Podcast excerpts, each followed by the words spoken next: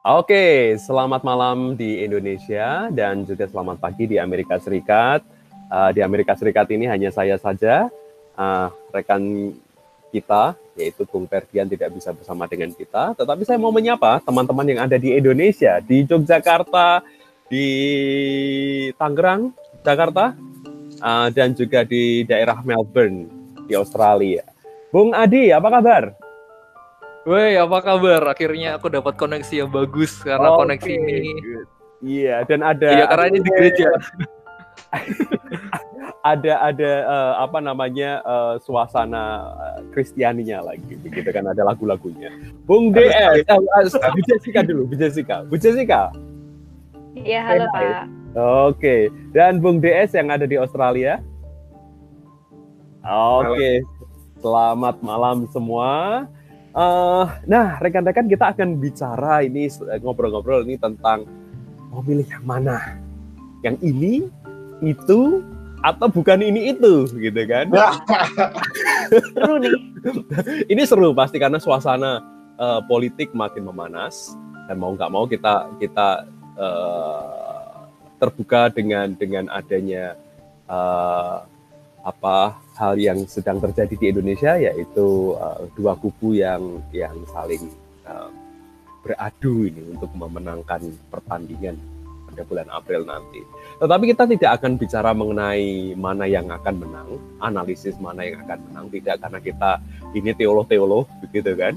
Jadi kita akan bicaranya mengenai uh, sisi teologi.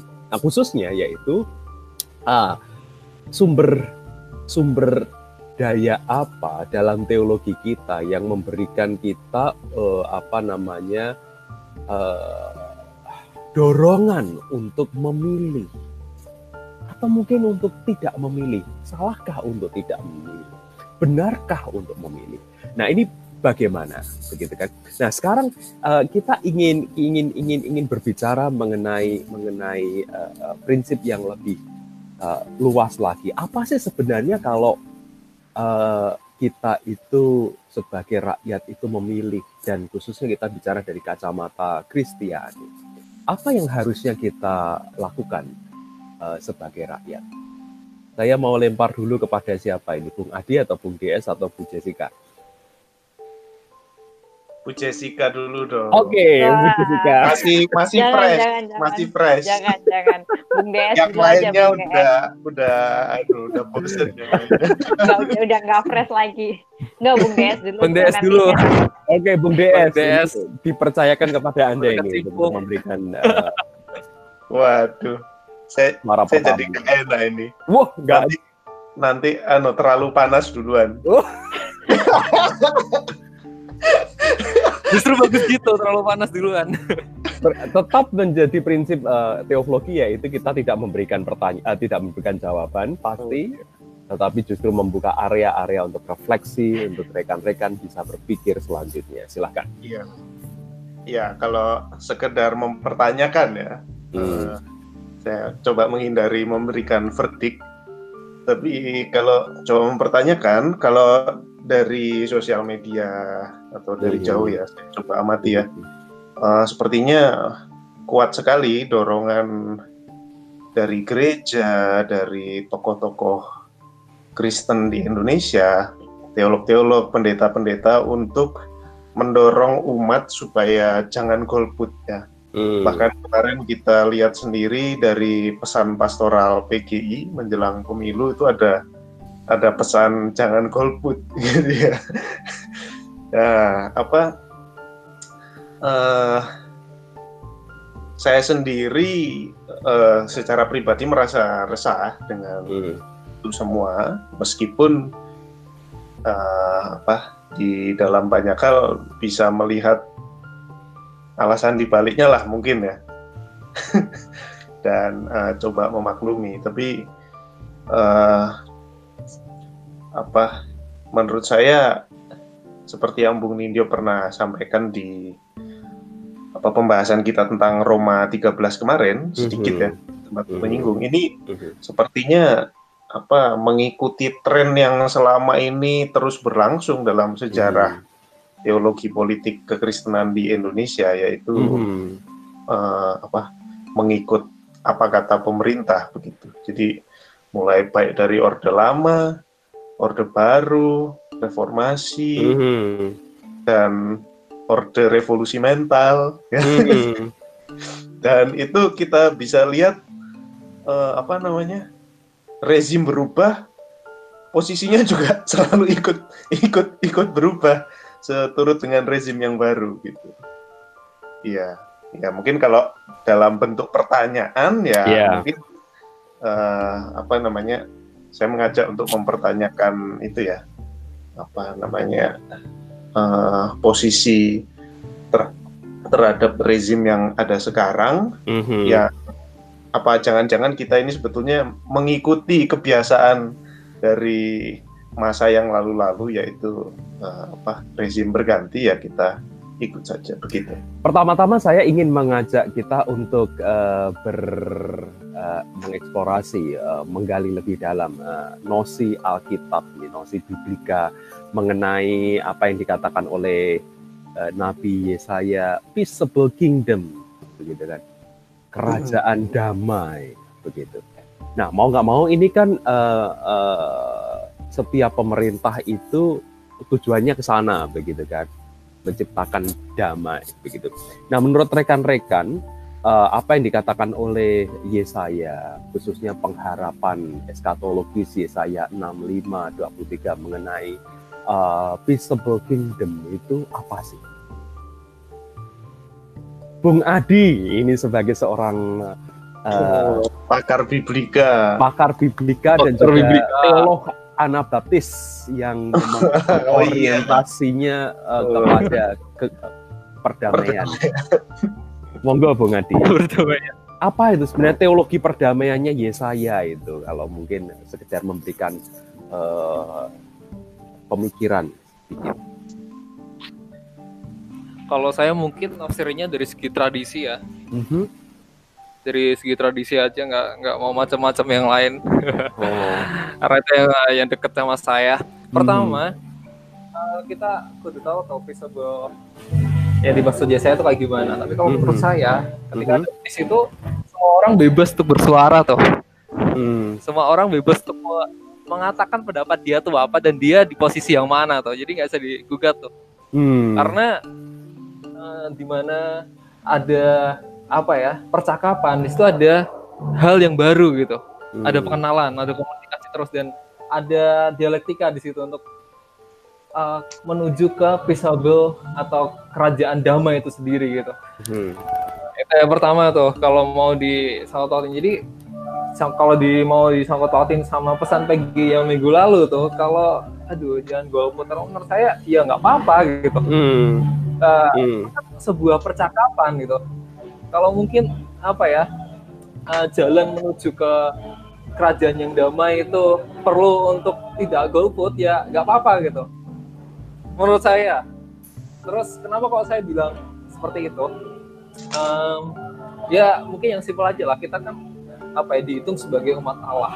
Kita ini uh, punya visi Allah gitu. Kita tahu visi Allah dan kita tahu siapa Allah yang menciptakan kita, yang mem- yang membuat kita uh, menjadi orang yang biasa-biasa lagi. Maksudnya uh, sesuai rancangan awal kita atau seperti apa gitu.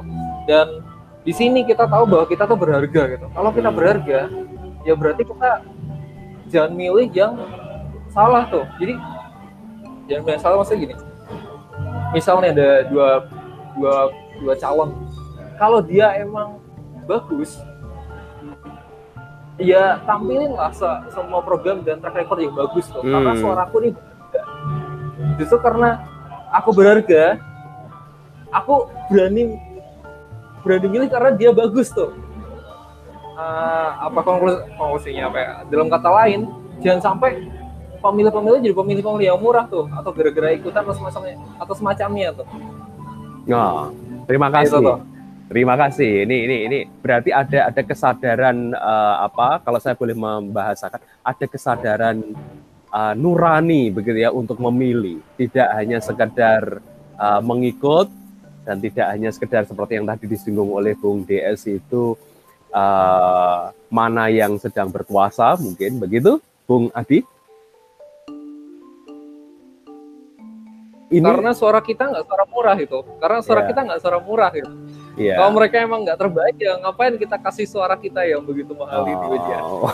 itu juga bentuk itu Nah, bentuk apa ya protes kan Iya. Nah, catatan kita tetap adalah bahwa em, kita tidak harus setuju satu dengan yang lain, gitu kan? Dan justru memberikan perspektif yang berbeda itu eh, sangat baik. Nah, mungkin kepada Bu Jessica ini terlebih dahulu. Bu Jessica, menurut Bu Jessica itu peaceable kingdom itu apa sih? Ya, kalau menurut saya ya memang Tuhan kan menjanjikan eh, bahwa ada nanti kerajaan yang damai itu. Tapi bagaimana mewujudkannya kan tentu saja melibatkan eh, manusia juga begitu sebagai eh, umatnya. Nah, eh, menurut saya ya kalau misalkan berhubungan dengan pemilu ini ya tentu saja kita harus ikut eh, ikut sama-sama bagaimana caranya mewujudkan kerajaan damai. Mungkin salah satunya melalui pemilu ini. Cuman saya juga lagi mikir tadi ya bagaimana kita mengetahui bahwa memang eh, kerajaan damai itu kita tuju dengan cara memilih salah satu dari calon ini gitu. Oke. Kita kan maksudnya eh, perspektif kita mengenai kerajaan damai itu mungkin berbeda dengan apa yang dipikirkan oleh Tuhan. Bisa saja misalkan kita berpikir, oh eh, kerajaan damai yang seperti Bung Adi tadi bilang ya saya harus memilih yang menurut saya ya terlihat lebih baik begitu. Hmm. Tapi apakah benar seperti itu? Soalnya kan Hmm, ada hmm. juga ketika kita e, memilih seseorang gitu kita yakin itu baik, ternyata sejarah berbalik seperti itu kan.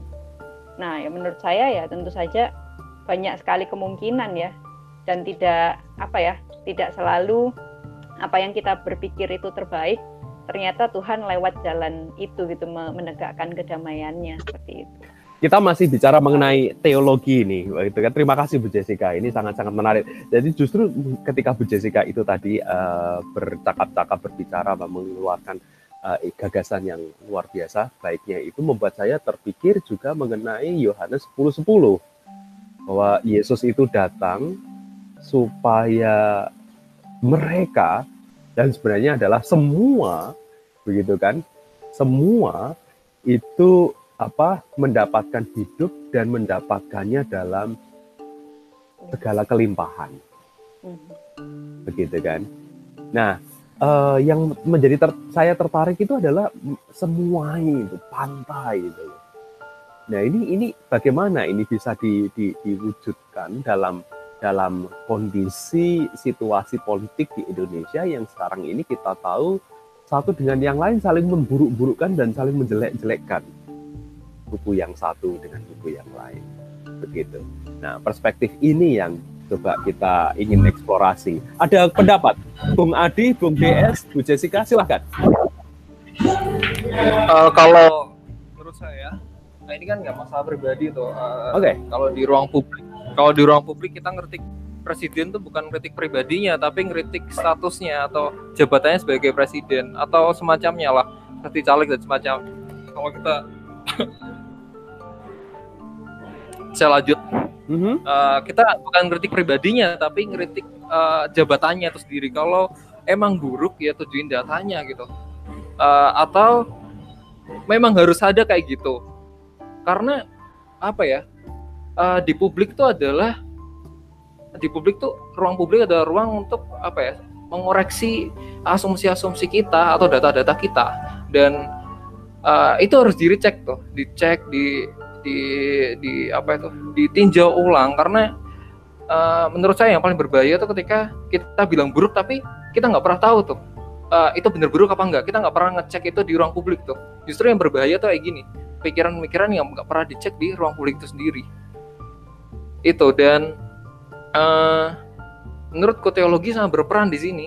Hmm. Uh, teologi itu adalah uh, kan bercakap-cakap tentang Allah itu. Karena kita punya habit untuk saling mengoreksi satu sama lain atau apa ya punya habit untuk membuka ruang-ruang gitu. Harusnya kita mengadvokasi nih orang-orang yang bilang buruk kenapa atau yang baik itu kenapa. Jadi buruk baik di ruang publik tuh biasa tuh. Sel- selama itu masih bisa ada bisa dicek datanya sahih dan kredibel tuh gak terlalu masalah karena ruang publik Bagaimana jika memang akses kepada data itu tidak ada lagi? Artinya tidak ada tempat untuk eh, berdialog. Eh, dilempar ke saya Oke. Ya, sila- silakan aja siapa yang mau. Tapi Bung Adi dulu karena yang tadi memberikan perspektif. Justru ini malah apa ya? Eh, eh, saya teringat salah satu ini bukan teolog tapi saya eh, apa ya suka dengan apa yang dia katakan namanya eh, Orwellian tuh. Dia bilang kalau apa pun pengetahuan kita itu eh, gak pernah pengetahuan yang murni dari kita mencari tapi pengetahuan yang datang dari atas tuh. Jadi eh, maksudku ini ada penguasa ngomong A ada masyarakat ngomong A terus kita ikut tuh. Kita nggak pernah ngecek lagi tuh lah misal nggak ada data kita bisa ngecek sendiri. Kita bisa ngecek sendiri dan kita bisa eh apa ya? Kita bisa lihat apa yang mereka lakukan tuh kayak misal Hmm. eh, yang paling gampang tuh eh, kita bayar pajak. Kita bayar pajak tuh buat apa? Eh, saya bayar pajak tuh supaya eh, teman-teman yang nggak bisa sekolah bisa sekolah. Teman-teman nggak bisa eh, apa namanya yang nggak bisa berobat bisa berobat tuh. Tapi kalau eh, program-programnya itu. Kita nggak perlu data lah kita bisa lihat tuh. Eh, tiba-tiba ada eh, pergi ke tanah Israel untuk PNS itu kan juga nggak bisa loh. Rakyat rakyat nih apa ya? Aku milih kamu terus kok programmu kayak gitu? Itu kayak mendahului akhirat tuh menurutku loh. Jadi Hmm. misal apa ya salah satu contoh sih. Dan eh, itu bisa dilihat di program-program eh, atau di salah satu di apa ya di track record presiden kita atau calon presiden kita sekarang Nah, oke, saya mau lempar ke Bung DS ini. Bagaimana Bung DS dengan eh, hal ini? Nah, khususnya juga bicara mengenai teologis, mungkin secara teologis bagaimana nih perspektif yang perlu kita dalami.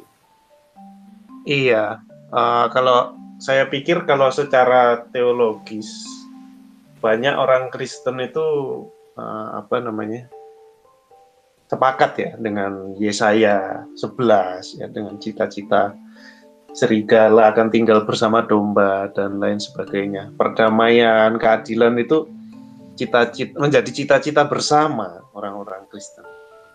Nah, kalau saya sendiri kan selalu mencurigai cita-cita itu yang kalau tidak di apa digumulkan bersama-sama dengan eh, analisis tentang apa kondisi sosial yang ada dan bagaimana apa apa yang kita hadapi sekarang di dunia ini sedang bergerak ke arah mana begitu.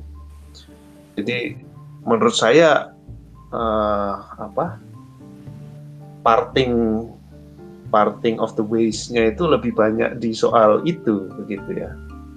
Nah, jadi eh, itu sebabnya bagi saya mungkin kita punya utopia yang sama, tapi mungkin pilihan kita berbeda untuk 2019 ini. Gitu. Lalu dasar apa untuk kita memilih atau tidak memilih? Kita tidak menganjurkan untuk tidak memilih, tapi kita juga tidak menganjurkan untuk ya begitu ya. Jadi, nah, tapi ini ini ada kita kita kita tidak memberikan norma begitu kan, tetapi Iya. justru tidak memberikan apa namanya itu uh, cure, uh, tidak memberikan obat, tidak memberikan Iya. tapi apa gitu yang yang menjadi dasar untuk saya itu memilih atau tidak silahkan Iya. Bu Jess mungkin memberikan perspektif Iya, kalau menurut saya tadi yang Bung Adi udah bilang yaitu mengenai data-data itu juga bisa menjadi acuan ya untuk kita memilih yang mana atau memilih ini, milih itu atau tidak ini itu begitu. Hmm, Dan hmm. tentu juga dengan realitas apakah janji-janji yang telah diberikan oleh para calon mungkin kalau untuk petahana apakah kita melihat kinerjanya sudah baik atau belum. Kemudian kita melihat juga apakah yang satunya sudah baik atau belum. Nah, tentu saja itu bisa menjadi pertimbangan-pertimbangan kita seperti itu. Cuman ya saya melihat sikap PGI di sini ya memperlakukan jemaat itu eh, mungkin sebagai orang-orang yang hmm, mungkin kalau menurut saya mungkin belum bisa untuk mencari data-data sendiri sehingga harus diberikan surat edaran seperti itu. Saya nggak tahu kenapa begitu ya, tapi uh, mungkin ya mereka maksudnya baik gitu. Mungkin mereka berpikir jemaat-jemaat ini masih uh, seperti domba yang tersesat gitu ya. Hmm. Harus diarahkan gitu untuk memilih dan sebagainya. Tetapi menurut saya sih ya kalau PGI sudah memberikan seperti itu bukannya salah sih itu baik untuk memang benar banyak orang-orang di gereja itu belum kayak mengerti gitu ya uh, seperti apa. Tapi apakah dengan demikian uh, jadi apa ya istilahnya menyingkirkan orang-orang yang berkeputusan untuk golput. Padahal orang-orang yang golput ini mungkin memiliki alasan tersendiri gitu loh untuk golput. Tapi karena misalkan semua satu gereja ini udah bersepakat termasuk gembalanya misalkan ya udah dihimbau oleh PGI harus milih gitu. Terus kemudian ada satu jemaat keceplosan, oh saya golput gitu kan. Oh langsung dibully begitu kan. Ya jadi menurut saya itu apa enggak nggak jadi malah aneh begitu ya. Tapi nggak tahu deh menurut teman-teman bagaimana. Terima kasih. Iya. Jadinya Terima nanti kasih. dia milih tapi dia milih tapi dengan rasa yang karena aku nggak mau dibully gitu. Jadi ya udah aku milih aja daripada aku dibully oleh orang-orang Kristen di sekitarku gitu. Ya, ditambah Saya, lagi saya mau menambahkan, sorry, Ya, saya mau ya, menambahkan. silakan, silakan. Karena kita dari tadi banyak bicara tentang teologis. Kalau kalau tadi soal dasar teologis untuk memilih eh, yang mana, mungkin saya agak apa tadi posisi saya seperti yang saya ceritakan tadi. Tapi kalau dengar ceritanya Bu Jessica ini, eh, saya merasa terganggu secara teologis begitu. Karena kalau sampai entah yang dikatakan Bu Jess itu seberapa general ya, tapi kalau sampai eh, mereka yang memutuskan untuk tidak memilih itu dan dengan demikian berseberangan dengan pesan pastoral PGI dan banyak suara dari hamba Tuhan yang menyerukan jangan golput menurut saya kok ada masalah di sana gitu ya jadi eh, seolah-olah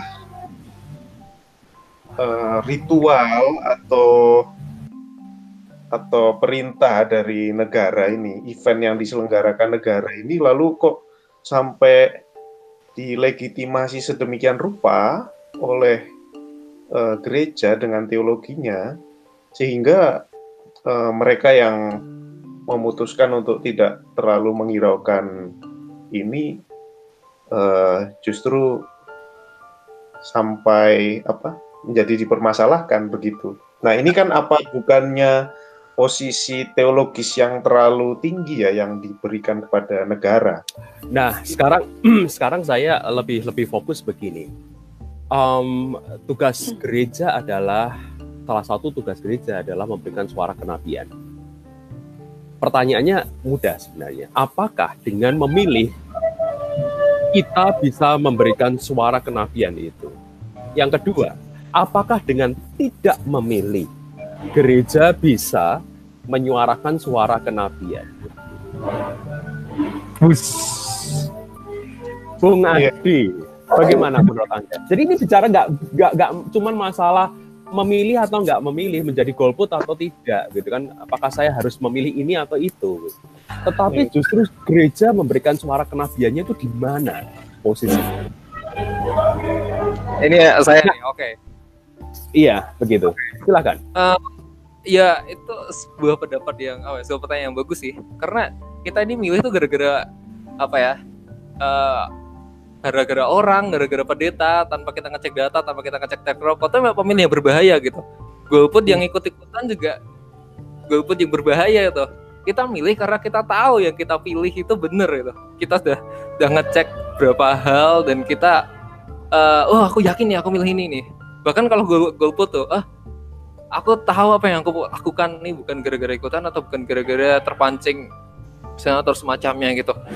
Eh, itu poin pertama yang. Yang kedua, em, suara kenabian gereja itu di mana? Justru suara kenabian gereja itu untuk membuka eh, salah satunya itu udah bagus, misal kayak eh, teologi ini, Eh, di mana kita membuka ruang teologis untuk orang-orang yang golput tuh.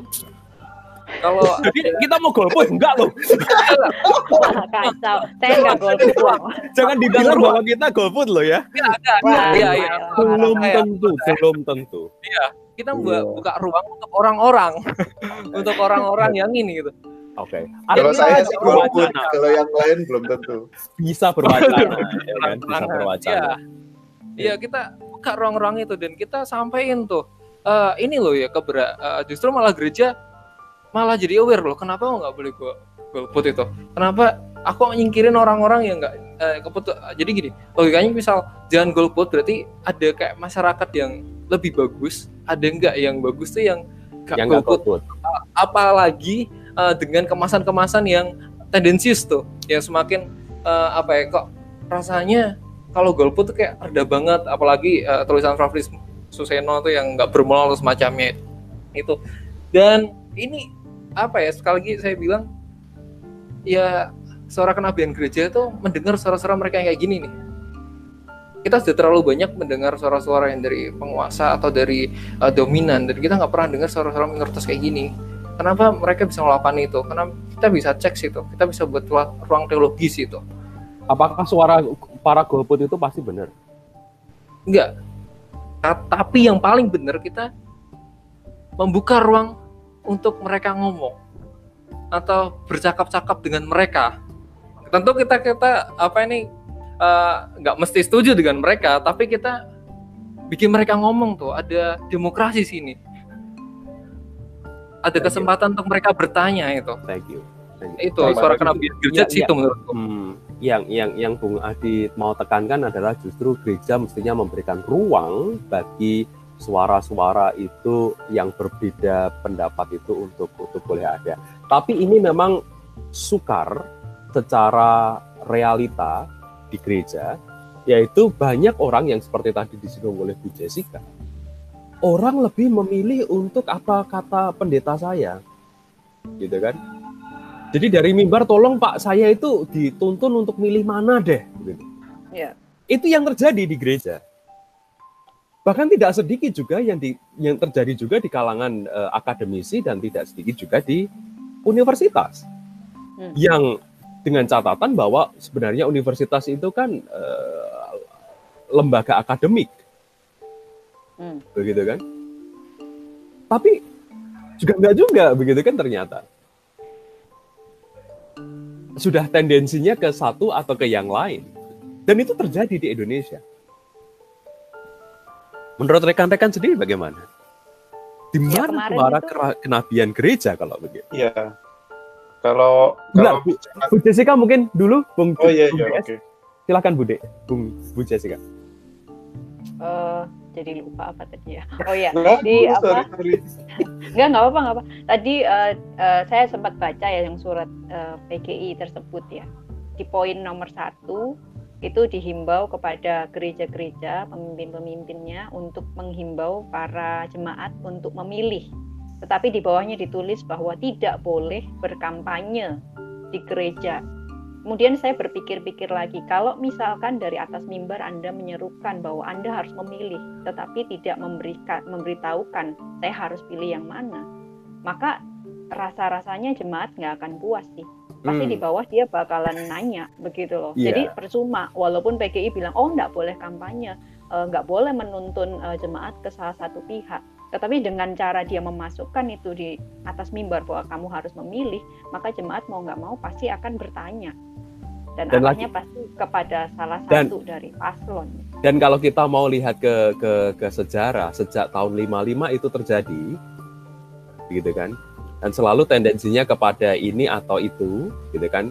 Apalagi setelah 71 jelas begitu kan kepada siapa, suaranya ditujukan kepada siapa, begitu. Dan kemudian jangan lupa pakai ayat loh Pak. Oh iya Ayat betul, betul. Iya, maksudnya Jadi- jadi- kalau pendeta ngomong sih masih oke, tapi kalau sudah dibarengi dengan pakai ayat itu agak Betul. berbahaya gitu. Jadi di atas Apakah mimbar benar mungkin itu tidak suara memberikan kenabian? tidak memberikan tidak memberikan eh, posisi, tetapi di bawah mimbar, nah gelenak geleniknya bagaimana, begitu kan percakapannya terjadi bagaimana, begitu. Nah, kalau misalkan dia mengklaim sebagai suara kenabian, terus kemudian nanti ternyata memang betul itu terjadi ya, misalkan pilihan dari gereja itu ini, kemudian nanti terjadi. Nah, kemudian terjadi hal yang buruk. Apakah suara suara kenabian yang dulu itu bakal ditarik lagi? Oh, enggak, saya salah, itu bukan suara kenabian. Apakah seperti itu gitu? Ya, eh, ya. Terima kasih. Itu pertanyaan yang sangat menarik. Nah, Bung DS eh, tadi juga ingin memberikan eh, perspektif ini. Silahkan, Bung DS. Iya, kalau kita bicara soal suara kenabian ya dan yang mana salah satu tugas gereja itu memang menjadi corong suara kenabian, yang sering kali justru berbenturan dengan uh, penguasa ya. Uh, jadi uh, pertama-tama mestinya ini ini ya, outputnya nanti bisa apa aja ya. Tapi yeah, yeah. paling paling tidak secara proses, yang pertama kita harus curiga kalau suara kita itu selaras dengan corong propaganda penguasa. Pertama-tama ya. Pertama-tama. Lalu kedua, kalau yang disebut suara kenabian itu kan selalu suara yang apa menjadi seperti penyambung lidah dari keresahan-keresahan dari bawah yang dari mereka-mereka yang terpinggirkan. Dan kalau kita bicara dalam konteks pemilu ini, artinya gereja yang mau mencoba menjadi corong suara kenabian itu mestinya berusaha mendengarkan suara-suara dari mereka yang justru resah dengan pesta ini ya. Mereka-mereka yang tidak merasa terrepresentasikan gitu dan siapa mereka lihat, ini dan kita bisa lihat di Indonesia hari ini kalau kita jeli melihat ya dan itu tidak selalu muncul di apa media-media dan headline-headline tapi kita bisa melihat mengapa misalnya aktivis-aktivis kamisan memutuskan untuk golput. Bagaimana dengan petani-petani Kendeng atau Kulon Progo? Bagaimana kita mencoba mendengar suara-suara keresahan dari mereka yang di Papua? Hmm. Anak-anak mahasiswa MP yang merasa bahwa uh, apa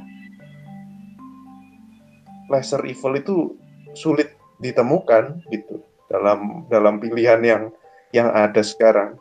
Jadi karena all saya nggak bilang ya. saya saya saya nggak bilang itu ya nggak bilang apa menjadi suara kenabian itu otomatis membeo juga dari apa mereka-mereka yang resah atau tidak terrepresentasikan. Tapi secara metodologis paling tidak dua itu menurut saya ya. Pertama curiga kalau suara kita terlalu selaras dengan penguasa.